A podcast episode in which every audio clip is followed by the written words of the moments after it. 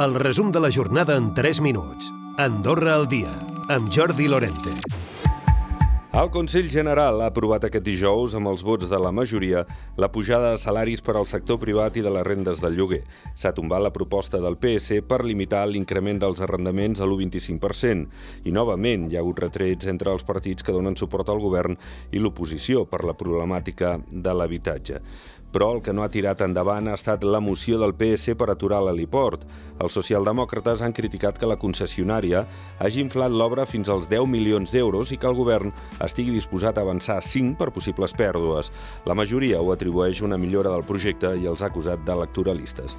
Escoltem el president del grup parlamentari socialdemòcrata, Pere López, i també el del grup parlamentari de Ciutadans Compromesos, Carles Naudi, d'Areny Plandolit. Quin benefici té el govern de que hi hagi aquests increments dels costos, que s'hagin d'avançar ja 5 milions d'euros per a aquesta concessió i que s'hagin d'assumir les pèrdues al futur. És que per fer això és molt més barat i més d'això que ho faci el govern directament. Això li pot semblar molt car, si no li discuteixo, però també reconegui l'augment de les dimensions, l'augment de la plataforma, l'augment del moviment de terres. No barregem la necessitat de tenir un heliport amb l'oportunisme polític de portar aquest debat i escandalitzar la gent amb el sobrecost quan no hi ha hagut cap sobrecost.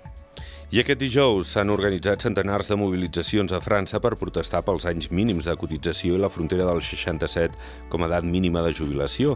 A Andorra també s'han fet actes de rebuig contra aquesta llei que vol impulsar Macron. Ha estat en els centres educatius francesos.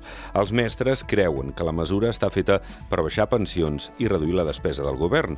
En parla el membre de la Federació Sindical Unitària de la Funció Pública, Christophe Noguer. L'objectiu és que la gent no hi arribi per eh, tenir unes pensions molt més baixes que les que podríem pretendre. Però si tu no, no arribes al, al, a la, al període total de cotització et treuen 5% de la teva pensió per any. Sempre són les mateixes eh, receptes que, antigues que es fan servir, no? Allargar, eh, endarrerir, eh, reduir i, i això jo crec que volem dir prou. El nombre d'aturats baixa se situa en nivells d'abans de la pandèmia. Això demostra la recuperació de l'activitat econòmica després dels mesos amb més restriccions per la Covid-19. El desembre es va tancar amb 370 persones inscrites al servei d'ocupació i l'any passat es va recuperar també l'entrada de visitants. Van venir un 50% més de turistes i excursionistes respecte del 2021. En concret, van entrar més de 8,4 milions de persones. Andorra la Vella preveu la possibilitat de pagar els dos principals projectes urbanístics a preu assequible de la parròquia, els de Ciutat de Valls i Santa Coloma. Conxita Marsol, la cònsol, assegura que el Comú té capacitat econòmica per fer-ho, tot i reconèixer que no seria l'opció més òptima. I la Creu Roja i l'Escola Andorrana ultimen la cinquena campanya de donació de sang. Serà entre l'1 i el 3 de febrer al Centre de Congressos d'Andorra la Vella. La voluntat és augmentar el nombre de donants.